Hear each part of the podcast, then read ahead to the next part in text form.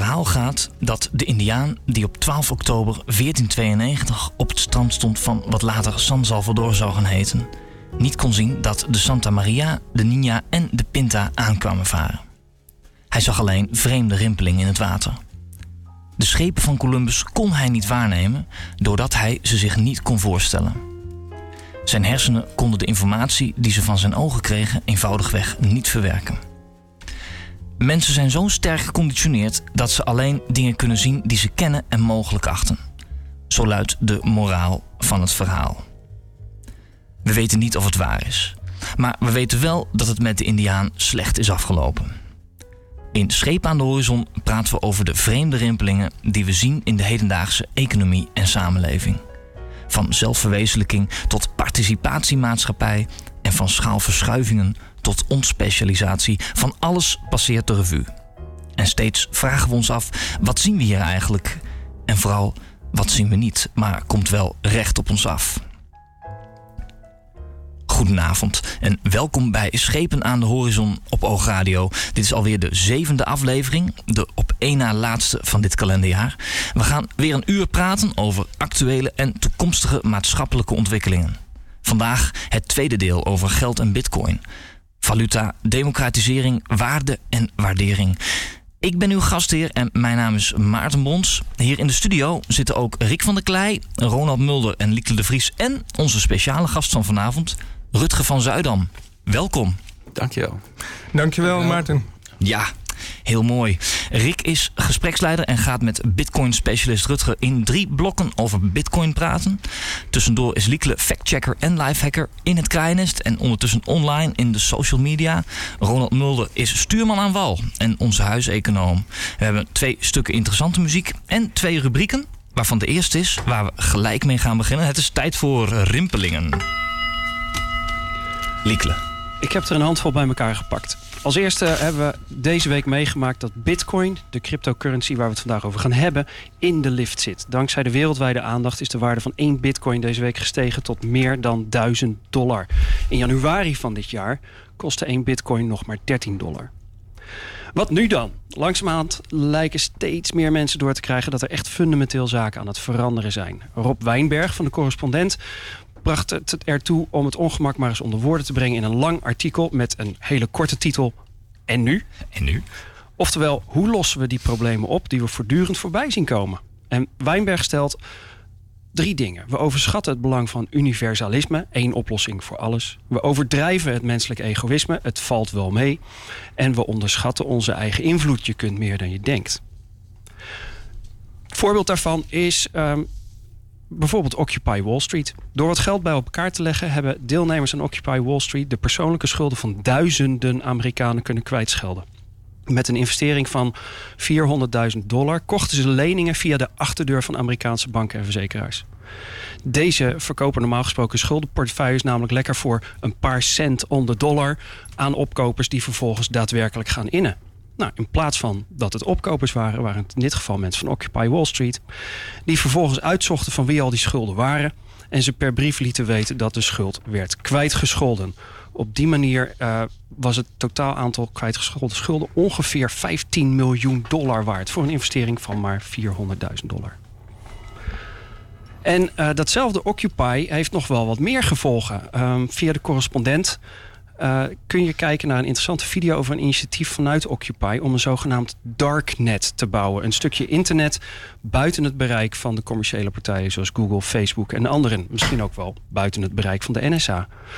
Uh, kijk op uh, occupyhere.org om zelf ook mee te bouwen aan zo'n darknet. En de laatste rimpeling. Uh, ga eens naar zipeconomy.nl en lees daar een van de laatste blogposts. Want daarin staat letterlijk: Dus ja, we moeten dit moment vieren. Want deze keuzes staan ook symbool voor het begin van een tijdperk met kansen voor mens, organisatie en een duurzame samenleving. En wat het leuke van dit alles is. De doorvertaling van organisatie naar individu in relatie tot de te maken keuzes ligt niet eens zo ver van elkaar af. Heel mooi. Bedankt, Lieke de Vries, voor deze rimpelingen. Dan geef ik nu het woord aan onze gespreksleider Rick van der Klei, econoom Ronald Mulder en bitcoin-specialist Rutger van Zuidam. Het internet vermoordt tussenpersonen.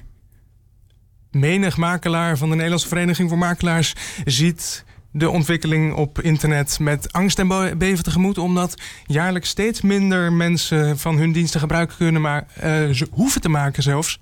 Um, omdat ze op het internet al heel veel met elkaar onderling kunnen afstemmen. Um, vraag en aanbod worden via het internet op elkaar afgestemd. En misschien in de toekomst wel dat darknet, waarom mysterieus over gesproken werd. Um, zo ook in de financiële wereld. Namelijk in 2008 was er Satoshi Nakamoto, een of andere mysterieuze Japanner, of misschien wel een groepje. Waren het wel Japanners? We hebben geen idee. Misschien weet Rutger er inmiddels meer van. Rutger? Nou, de, de identiteit blijft nog steeds uh, zeer mysterieus. Okay, en de... Uh, de... speculaties zijn alom. Uh, en en ja, eigenlijk is daar nu nog heel weinig over te zeggen. Nog steeds eigenlijk. het enige is dat wat wel te zeggen is dat dus die groep of persoon de eerste ongeveer miljoen bitcoins heeft gemined. En die, die zijn ook nog geen van allen uitgegeven. Ja, en die Satoshi Nakamoto heeft of hebben, wie zal het zeggen, uh, het paper geschreven Bitcoin, a peer-to-peer electronic cash system. Mm uh, en dat was in 2008. En inmiddels, anno 2013, zijn er al 12 miljoen bitcoins in omloop. Uh, we zijn hard op weg naar die 21 miljoen die het maximaal kunnen worden. Is niet, uh, Rutger? Ja, uh, we zitten in 2040 zitten we op een, het grootste deel van dat limiet. En in 2140 is het limiet in zijn geheel bereikt. Wat daarbij wel belangrijk is om, om aan te geven... is dat de, de bitcoin tot, uh, tot, tot miljoen in eenheden is op uh, te splitsen. Dus de kleinste eenheid, die heet ook de Satoshi. daar, zijn er, daar zijn, kunnen er gigantisch veel van zijn. maar dat zijn allemaal achter de komma, zeg maar. En dus nou, waar, je, waar je een staaf met goud maar moeilijk kan opsplitsen. Maar die, moet je wel, die kun je dan misschien omsmelten tot heel veel kleine eenheden. Maar je kan hem niet in stukjes hakken, zullen we maar zeggen. Kan dat met de bitcoin wel zodanig dat je op een heel klein niveau ermee zou kunnen betalen. Bijvoorbeeld in een Bitcoin café. Dat heb je laatst georganiseerd in Groningen, Rutger. Ja, ja, ik zei uh, uh, gekscherend. Had, had, je altijd al kroegbaas willen worden? nee, nee, ik, ik vind de horeca wel fantastisch. Uh, maar uh, ik zei gewoon op, op zijn gunnings van... nou, dat ik geen bier meer kan betalen, dan, dan wordt nooit. Hè? Dan wordt niks. Maar nou, en toen dacht ik van... Nou, laten we dan eens een bitcoin café organiseren. Dus toen heb ik de nachtburgemeester van Groningen, Chris Garrit, gebeld... en gezegd van, zullen wij iets met bitcoin doen, een bitcoin café? En ja zo het geschieden. Uh, dat was in oktober. Uh, het vervolg zit er alweer aan te komen. 21 februari is het, tweede Bitcoin Café. Het leuke was dat het op de eerste Bitcoin Café al meer dan 70 mensen kwamen. En ja, waarin je ook de eerste bitcoins kon kopen met de pinautomaat. Waarin je um, ja, je, je drankje kon betalen met, met bitcoin. Dat zijn, waren toen gewoon ja, normaal geprijsde drankjes. Maar die zijn nu wat ja, wat duurder. Achteraf voorzien, dure drankjes. Ja, ik heb ongeveer 30 euro voor mijn biertje betaald uiteindelijk. uh, ik was niet in Saint-Tropez, dus uh, dat is wel apart. Maar goed, dat moet ook een keer uh, kunnen. en, en, het duurste bier van de periferie Groningen. ja, ja, zo kun je het wel zeggen. Maar het was wel heel bijzonder. En het volgende Bitcoin Café gaan we wat meer de diepte in. Gaan we kijken van oké, okay, er wordt heel veel over geschreven in, in media. Ook als het gaat om nou ja, de wat negatievere kant van de zaak. Maar eigenlijk wordt het maar continu nu uh, benoemd. Terwijl, ja, ik zie zelf het verschil niet zo met uh, contant geld... waar je ook een hoop negatieve dingen mee uh, kan doen. Sterker nog, bij bitcoin is het allemaal openbaar... en cashgeld, zoals we dat kennen in euro's of dollars, zijn totaal niet zichtbaar. Dus waar, waar hebben we het eigenlijk uh, over, zeggen wij. En uh, ik zie heel veel uh, ondernemers en ook investeerders nu in allerlei veelbelovende projecten starten. En ja, het lijkt ons wel leuk om juist te kijken van oké, welke mensen zijn er nou bezig om met creatieve ideeën, met vol goede constructieve energie om nieuwe initiatieven de grond uit te stampen waar de consument echt wat aan kan gaan hebben of het bedrijfsleven. En dat proberen we daar op die manier mee naar, naar voren te brengen op het Bitcoin Café. Ja, en niet alleen in het café, maar ook aan allerlei andere tafels. Uh, Ik wilde zeggen in Nederland, maar inmiddels ook al op de Belgische radio heb je daar eh, aandacht aan besteed. Je bent een ware ambassadeur voor Bitcoin geworden, is niet Rutger? Um, nou ja, als, als mensen dat zo zien, dan, uh, dan vind ik dat helemaal niet erg. Uh, ik moet eerlijk zeggen dat. maar waarom? waarom ben je daar zo enthousiast over? Over Bitcoin? Ja. zo, er zijn heel wat redenen waarom ik daar enthousiast over ben. Maar in beginsel uh, vind ik het gewoon uh, geweldig dat uh, um, er een, de mogelijkheid is om een nieuw financieel systeem te bouwen van onderaf. van, vanaf scratch. En in dat financiële systeem zit een technologie, Bitcoin. En die heeft de essentiële dingen die belangrijk zijn in een financieel stelsel tot, uh, tot iets eenvoudigs, maar heel veiligs omgebouwd, zeg maar. En, en daar kunnen we met z'n allen aan bouwen. Het is open source. Um, het geld is niet van een uh, bank of een overheid, maar van ja, de is, mensen zelf. Het is van als ons, ik, we ja. the people. Ja, als ik Ronald Mulder, je hebt uh, laatst volgens mij beweerd dat Bitcoin de belangrijkste innovatie is sinds double entry bookkeeping. Klopt, ja. Waarom? En dat is, uh, volgens Einstein was double entry bookkeeping een van de drie grote uitvindingen, hè, samen met vuur en het wiel in de menselijke geschiedenis. En dit is dan de vierde bitcoin. Dat, en, dat, en dat vind ik niet eens overdreven. Uh, voor nou, uh, om, om dezelfde reden als, als Rutger ook noemt, je moet je voorst goed realiseren. De, geld is altijd van de machthebbers geweest. De Romeinse keizers die maakten het geld en die bepaalden waar je mee kon betalen. En daarmee trokken ze ook de macht naar zich toe. Hè? Ze nou, je moet je belastingen in dit soort muntjes betalen. Dat is het enige wat ik accepteer. En dat zijn toevallig de muntjes die ik uitgeef. Dus, hè, en zo is het eigenlijk altijd gebleven. Geld is van de machthebbers en bitcoin doorbreekt dat. En dat is spectaculair. Wat zou de impact daarvan kunnen zijn op uh, normale burgers zoals... Nou, misschien niet jij en ik, maar in ieder geval zoals ik. Um, nou, de, de, de, ja, het is een heel lang verhaal. Um, mogelijk, maar het beste kan je misschien nu kijken wat er in ontwikkelingslanden gebeurt. Uh, Kenia is denk ik het bekendste voorbeeld. Ja. Um, hè, waar mensen geen. Ja, bij ons is het banksysteem, wat je er ook van kan zeggen, maar het functioneert best redelijk. nee, laat ik het daarbij laten. Het functioneert best redelijk. Punt. Maar in uh, een groot deel van de wereld is dat niet zo. In Kenia bijvoorbeeld is het nogal moeilijk om een bankrekening te krijgen. Laat staan een uh, creditcard, laat staan een merchant account op zo'n creditcard, zodat je ook internationale betalingen kan ontvangen. Nou, dat is allemaal met bitcoin een fluitje van een cent. Dus ik, ik geloof dat een kwart van de, van de gezinnen, of van de huishoudens in, in Kenia inmiddels een uh, bitcoin wallet heeft. En dat is, ja... Wat, wat is dat voor portemonnee? Waar bewaar je dat? Nou, dat kan Rutger vast beter uitleggen. Maar... Nou, Rutger, uh, op, heb, op... heb, jij zo'n portemonnee? Ja, ik heb een uh, Bitcoin portemonnee. Uh, ik heb er eentje op mijn laptop zitten. Ik heb er eentje uitgeprint in, in een soort van kluis. en ik heb ook eentje op mijn mobiel. En een Bitcoin portemonnee is als het ware een, een adres, een bankrekening.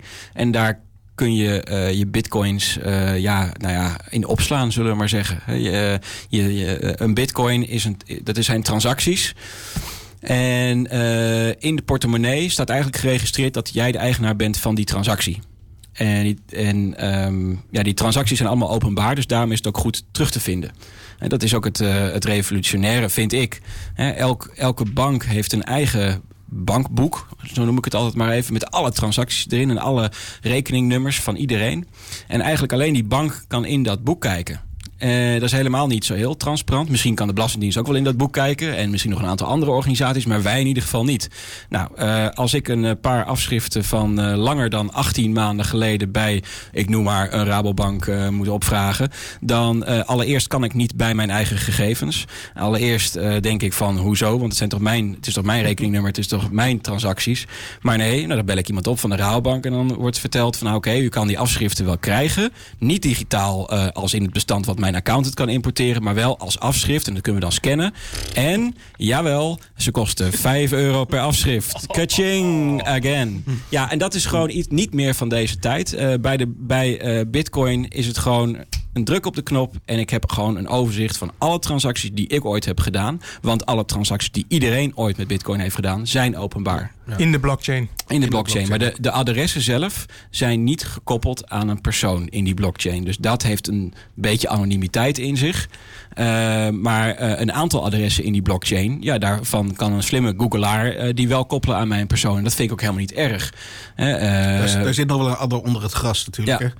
Dat is, ik heb zelf wel eens geroepen dat waarschijnlijk uh, Bitcoin door de NSA is uitgevonden. onder, onder dat rare Japanse pseudoniem. Want als je, als je maar genoeg gaat data minen en alle Ja. gegevens aan elkaar koppelt, dan kan je heel veel achterhalen. Omdat al die transacties inderdaad te doorzoeken zijn.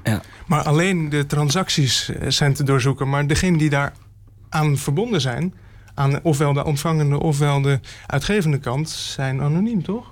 Ja, in, in, in, in beginsel wel. Maar, je, maar bijvoorbeeld een IP-adres wordt ook wel geregistreerd. Nou, daarom heb je nu ook in de ontwikkeling, dat heet de dark wallet, waar dat echt volkomen uitgevlakt eh, wordt. De Eh, dark wallet. Ja, de dark wallet. Ja, net zoals de darknet, waar je ook anoniem op gaat. Hè, Tor-netwerk en dat soort dingen. Maar eh, ja, ehm, eh, over het algemeen, en dat, dat, dat zeg ik ook al vaker, is het, is het contante geld wat we nu kennen geschikter voor criminaliteit en, en witwassen en o- o- ontduiken dan het bitcoin geld. Want je laat gewoon traces achter op het netwerk en alle transacties zijn tenslotte openbaar. Oké, dat stelt ons misschien een beetje gerust. In ieder geval is het een mooi moment om eh, ons even te bezinnen bij een mooi stuk muziek. Maarten? U hoorde Rick van der Klei, Ronald Mulder en Rutger van Zuidam. Dit is nog steeds Schepen aan de horizon bij Oog Radio. Discussie over actuele en toekomstige maatschappelijke thema's. Vandaag de tweede aflevering over geld en bitcoin. Praat met ons mee op Twitter met de hashtag SADH.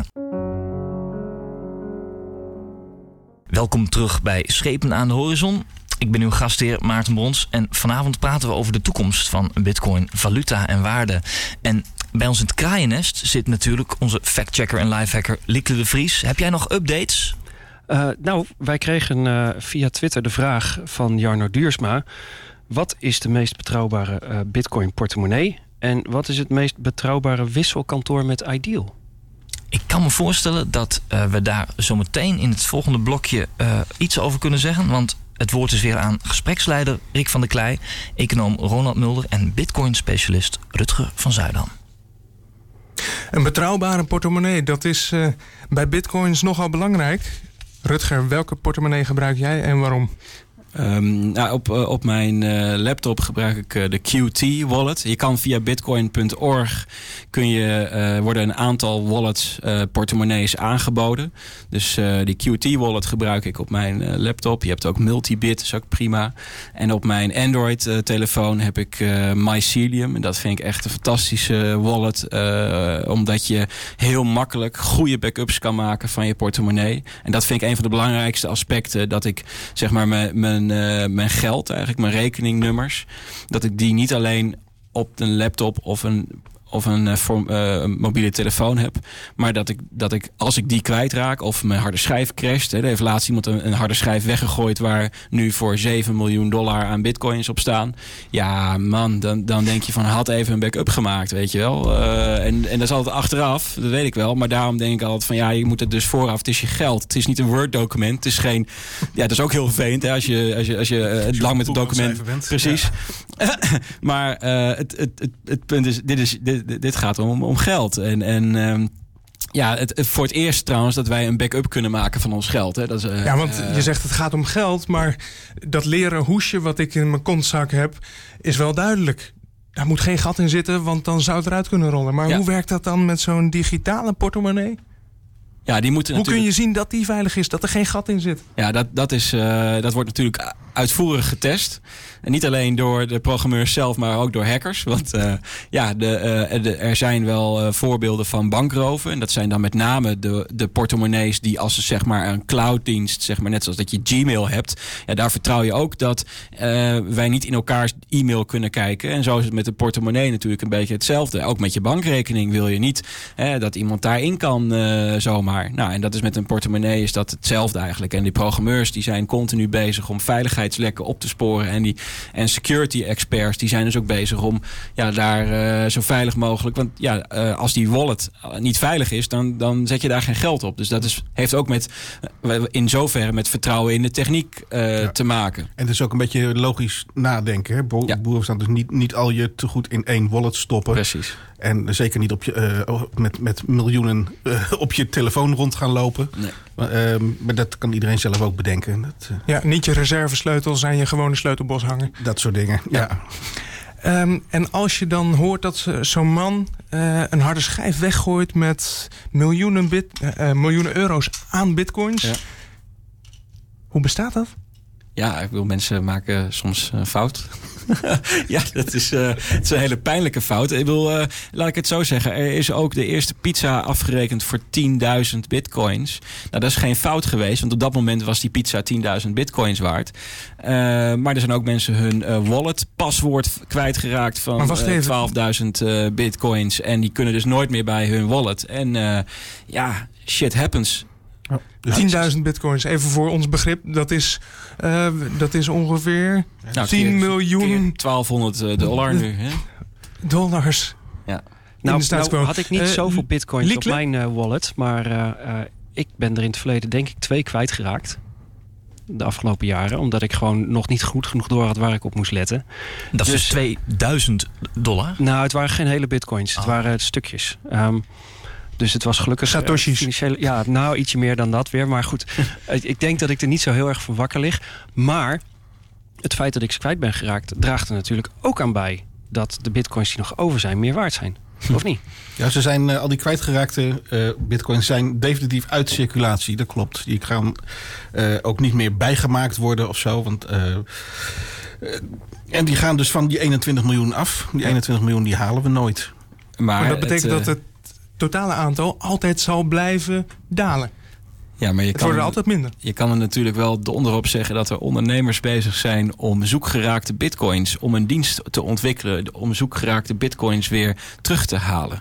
En dus dus uh, dat is gewoon een, een, een van de holy grails van bitcoin, is als je dat kan oplossen op de een of andere manier We don't know how yet, hè, want anders was het al wel gebeurd. Maar wij hadden ons zeg maar tien jaar geleden niet kunnen voorstellen... dat jij in, in de bus of in de trein zit naar een HD-streaming filmpje te kijken. En zo kunnen wij ons misschien nu nog niet voorstellen... hoe het zou moeten om een zoekgeraakte bitcoin uh, terug te vinden.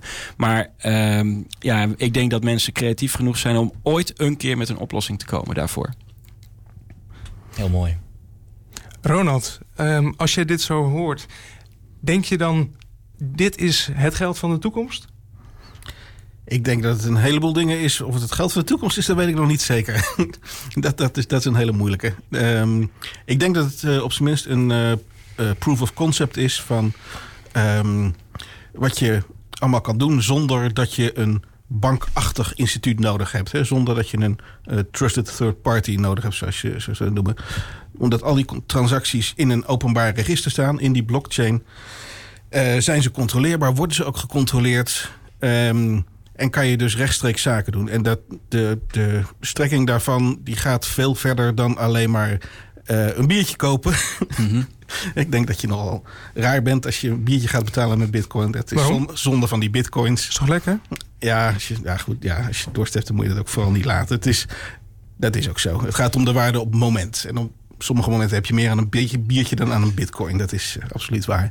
Um, maar, het, uh, het, uh... maar waarom ben je specifiek raar als je van je bitcoins een biertje koopt? Waarom raarder dan van je euro's? Dat is uh, omdat, um, omdat je er vrij zeker van kan zijn dat bitcoins in waarde gaan stijgen. He, dus het is natuurlijk zo van, ja, nu terugrekenend kostte dat biertje toen, Rutger, 30 euro. Maar op dat moment zelf was dat niet zo. Maar als bitcoin uh, lang genoeg op deze manier blijft stijgen... dan ga je die waardeontwikkeling meerekenen. Hè? Dus dan weet je als het ware dat over twee maanden... jouw biertje 30 euro gekost zou hebben. En dan ga je je anders gedragen. Maar dat, dus nou, wil je nu allemaal... meer voor je bitcoins hebben... omdat je weet in, dat ze in de toekomst meer waard worden? Precies, precies. Dat zijn allemaal moeilijkheden van wat we dan noemen... een deflationaire uh, uh, munt. Wat is dat? Ja, dat is het tegendeel van, in, hè, van inflatie. De, je geld wordt meer waard. En omdat je dat weet, ga je erop zitten. Maar alle theorie die we daar als economen over hebben... gaan over nationale valuta. En, en dat is dit niet, bitcoin. Dus, ja, jij zou uh, het eerder nog vergelijken met een Krugerrand, is het niet? Als, je het, ja, als je het ergens mee wil vergelijken... dan misschien wel met, uh, uh, met goud. Met, Even Kruger, dat was natuurlijk Paul Kruger. Ja, dat, dat was een... Uh, Zuid-Afrika. Een held in Zuid-Afrika en verder nergens. um, maar dat, uh, de Krugerrand, dat is een uh, Zuid-Afrikaanse gouden munt. Je hebt meer van die gouden munten in de wereld... waar nooit mee wordt betaald. Omdat ehm, het zonde is om met je gouden munt te betalen. Dat, dat doe je met waardeloos papier. En dat goud, dat bewaar je. Want dat wordt alleen maar meer waard. Goud is de laatste honderd jaar... nou, niet zo spectaculair gestegen als bitcoin... maar wel van 18 dollar per kilo tot 25.000 dollar per kilo. Dus, Die orde van grootte. Hè. Dus, eh, Alleen Bitcoin heeft geen gouden onderpand, Rutger. Nee, er zit eh, rekencapaciteit eh, onder. Kijk, goud intrinsiek, eh, ja, dat is zeer discutabel of dat ook waarde heeft. We vinden het heel mooi. Maar het wordt in de industrie niet zo heel veel gebruikt. Behalve, nou ja, je hebt hele mooie gouden plugjes voor je, op je stereotoren en zo. En ringen en zo, en sieraden. Maar dat, is nou, dat komt niet in de buurt bij, zeg maar... de totale goudvoorraad die ergens in kluizen ligt, denken we. Chemische Eh. wetenschappelijke experimenten? Ja, dat is ook wel interessant. Ja. Maar ik, heb, ik ben geen goudspecialist. ik Bitcoin eh, kijk ik wel naar. En wat ik zie is dat, het, eh, dat het, ehm, de rekencapaciteit van het Bitcoin-netwerk is inmiddels het tweede krachtigste netwerk na het internet. En, en eh, nou ja, on- zeer recentelijk kwam naar buiten dat eh, het Bitcoin-netwerk krachtiger is dan 250 keer de top 500 supercomputers ter wereld samengevoegd. En dat betekent dat je. We've created a monster. Nou, we hebben in ieder geval iets, iets gecreëerd waar we dus eh, hele, nog veel meer mee kunnen dan alleen maar een financieel systeem opdraaien. En dat blijkt ook. Want er worden allerlei dingen op die blockchain gebouwd en in het Bitcoin-protocol geprogrammeerd, wat eigenlijk helemaal niet zo heel veel met financiële transacties te maken heeft. Maar ja, eh, met, met allerlei andere toegevoegde Oké, waarden. laten we zo meteen even kijken naar de mogelijke toekomstige toepassingen van de Bitcoin. Eh, maar voor dat moment hebben we nog wat muziek meegenomen. Is nou, niet? ja, en, en voor die muziek aan ehm, hebben we een rubriek. Want ehm, we gaan luisteren naar een kort college over de herkomst van ons, onze meest dierbare spreekwoorden, uitdrukkingen en gezegden. Live vanuit de haven van Lauwersoog. Hier is onze eigen zee-etymoloog Louis Wiggers.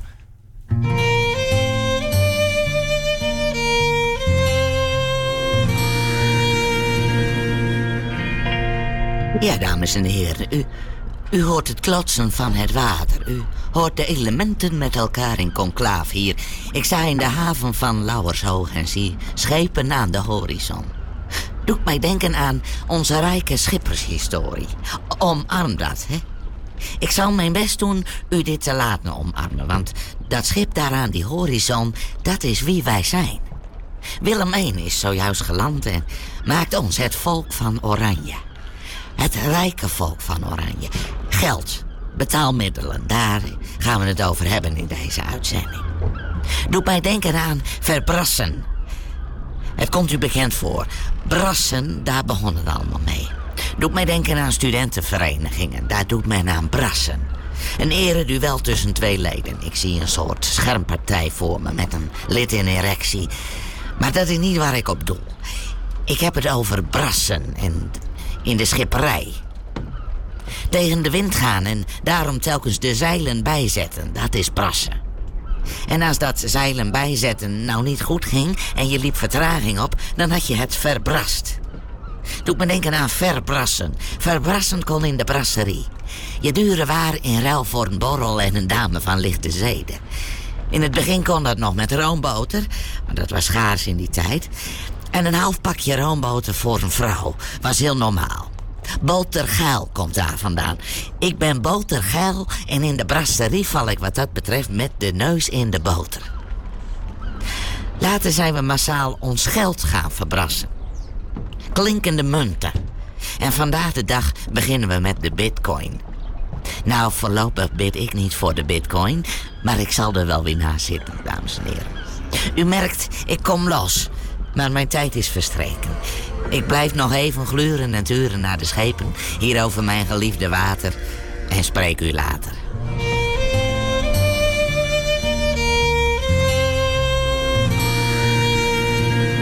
Ja, dat was Louis Wiggers, live vanuit de haven van Lauwersoog. Hij is onze vaste zee-etymoloog en verklaart elke maand een nautische uitdrukking. Volgende keer is hij er vast weer met eh, nog meer mooie fraseologie van de zee. Welkom, u bent weer terug bij Scheep aan de Horizon. Een discussie over toekomstige en actuele onderwerpen in economie en maatschappij. Het is zaterdagavond 30 november en we praten in dit uur over bitcoin. Waarde, valuta, uitwisseling.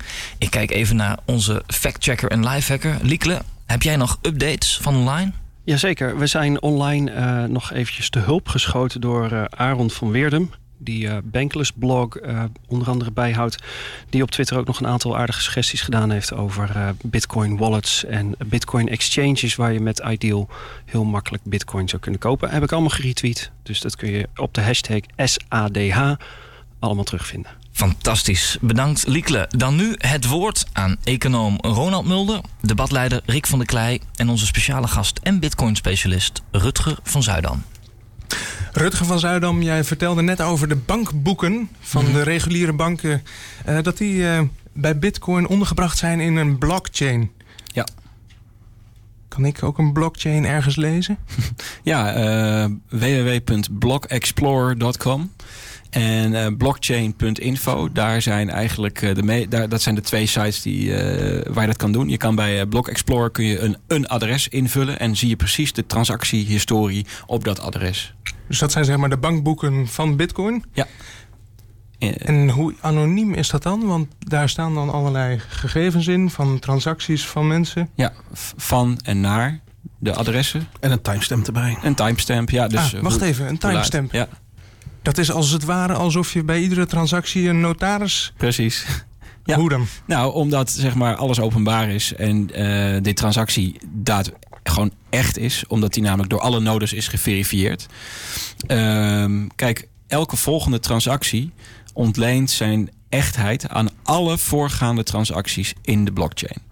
Dat, dat, dat betekent nogal wat. En daarom is er ook zoveel rekencapaciteit voor nodig. Maar dat betekent dus ook dat elke handeling, elke volgende handeling die je doet in zo'n blockchain, daadwerkelijk echt is. En het is ook nog eens openbaar. En daarom is het dus alsof bij iedere handeling die gebeurt, een transactie bijvoorbeeld, uh, als het ware een notaris bij zit.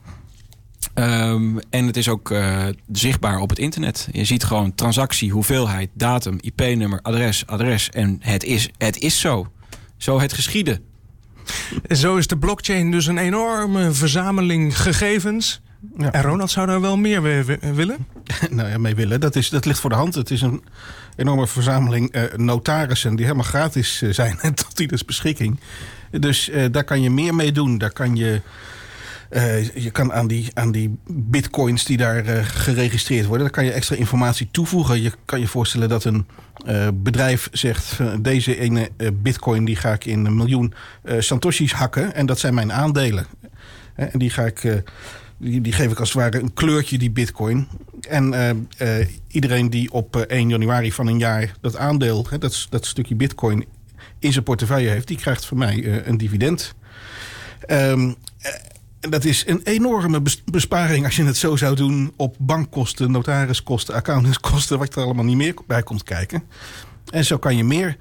Um, uh, een stapje verder is uh, dat je zegt van elke Nederlandse burger die heeft naast alle anonieme wallets die hij misschien heeft, heeft hij ook één publieke wallet. Eentje waar hij mee naar het gemeentehuis is geweest en uh, vastgesteld van die hoort bij die persoon.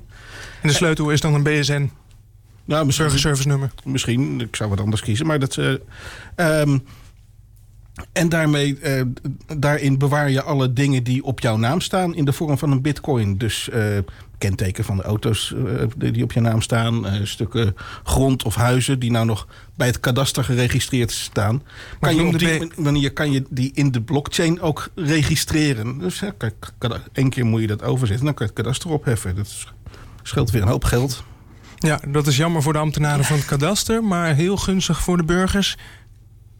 Ja, ja dat, is, dat, dat is een enorme uh, besparing. En, je moet, je, en dat, dat, is, dat is, want helemaal aan het begin van het programma vroeg je van wat gaat, wat gaat de impact van Bitcoin zijn? Nou, veel verder dan geld. Het gaat gewoon de financiële wereld, de hele financiële dienstverlening, inclusief accountants, notarissen, kadaster, hele rimbam gaat het automatiseren, zoals ook fabrieken geautomatiseerd zijn. Dan gaan, hè, dus dat als je het negatief bekijkt, is het een enorm verlies van arbeidsplaatsen. Als je het positief bekijkt, kunnen een heleboel mensen veel nuttiger dingen gaan doen in de nabije toekomst.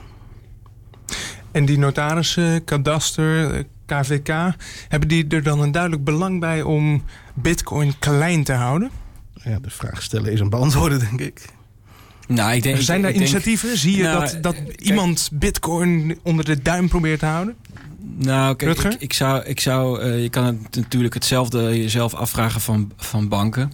Ehm, ik denk dat als bedrijven, eh, eh, om het even plat uit te drukken, de kont in de krip gooien en eh, zeggen van nou dat, eh, ja nee, ik, ga, ik, ik sta er niet open voor.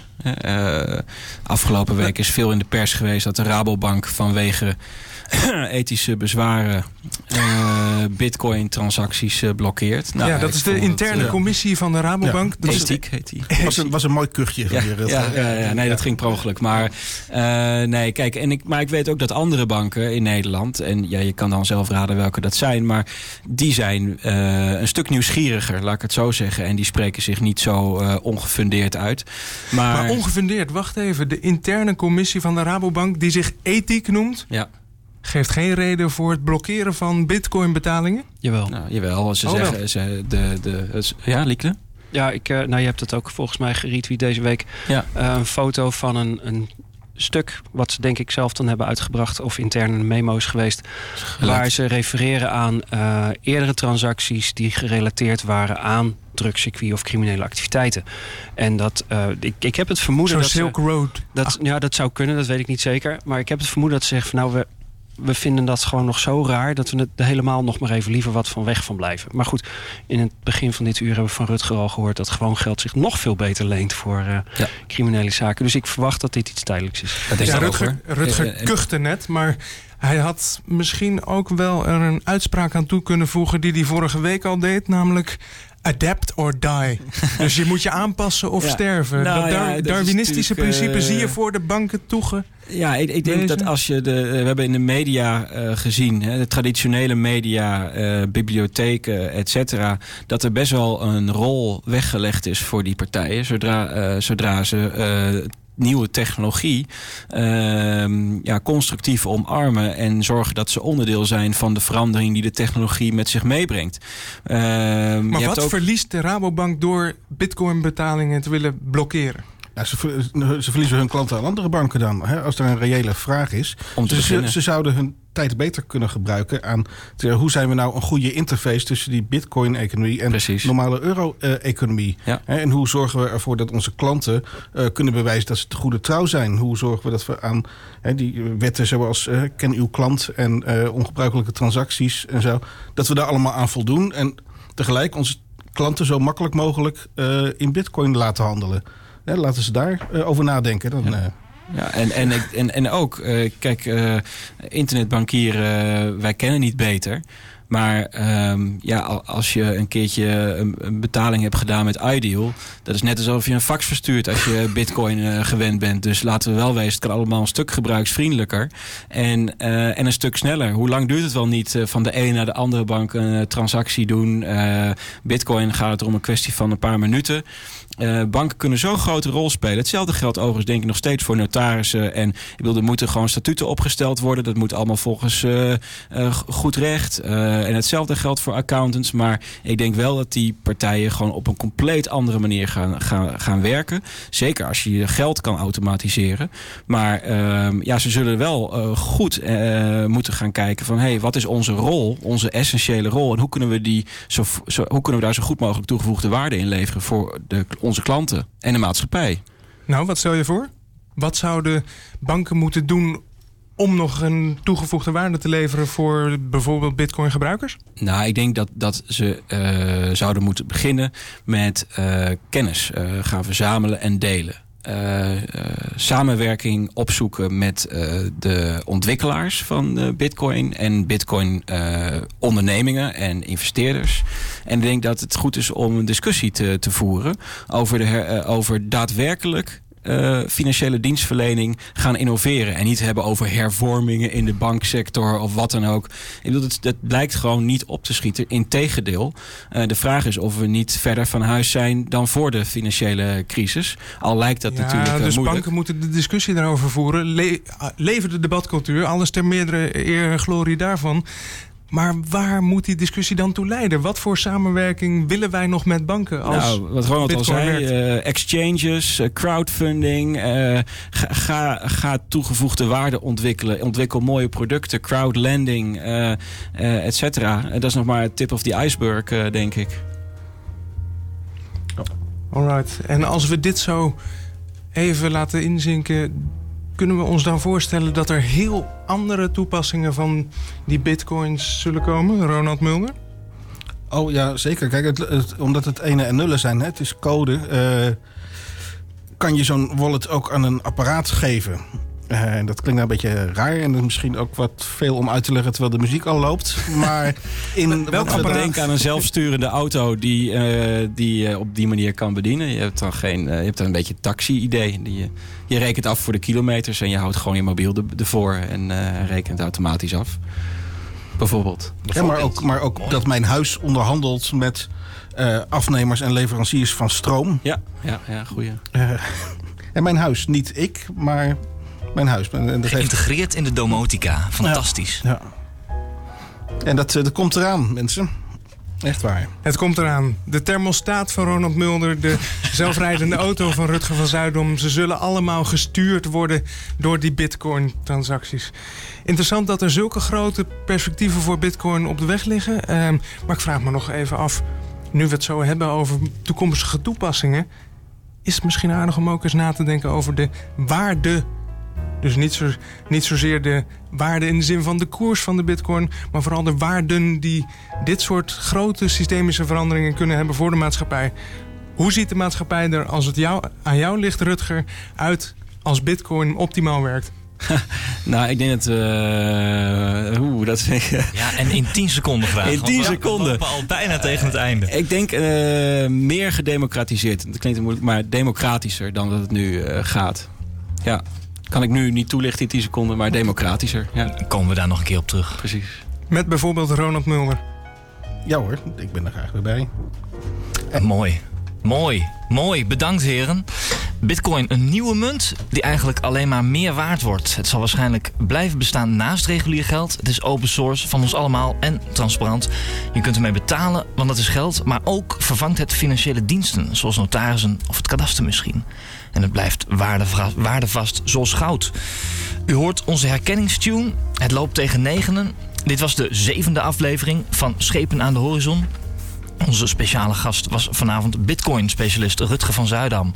Rutger, bedankt voor je komst naar de studio. Graag gedaan.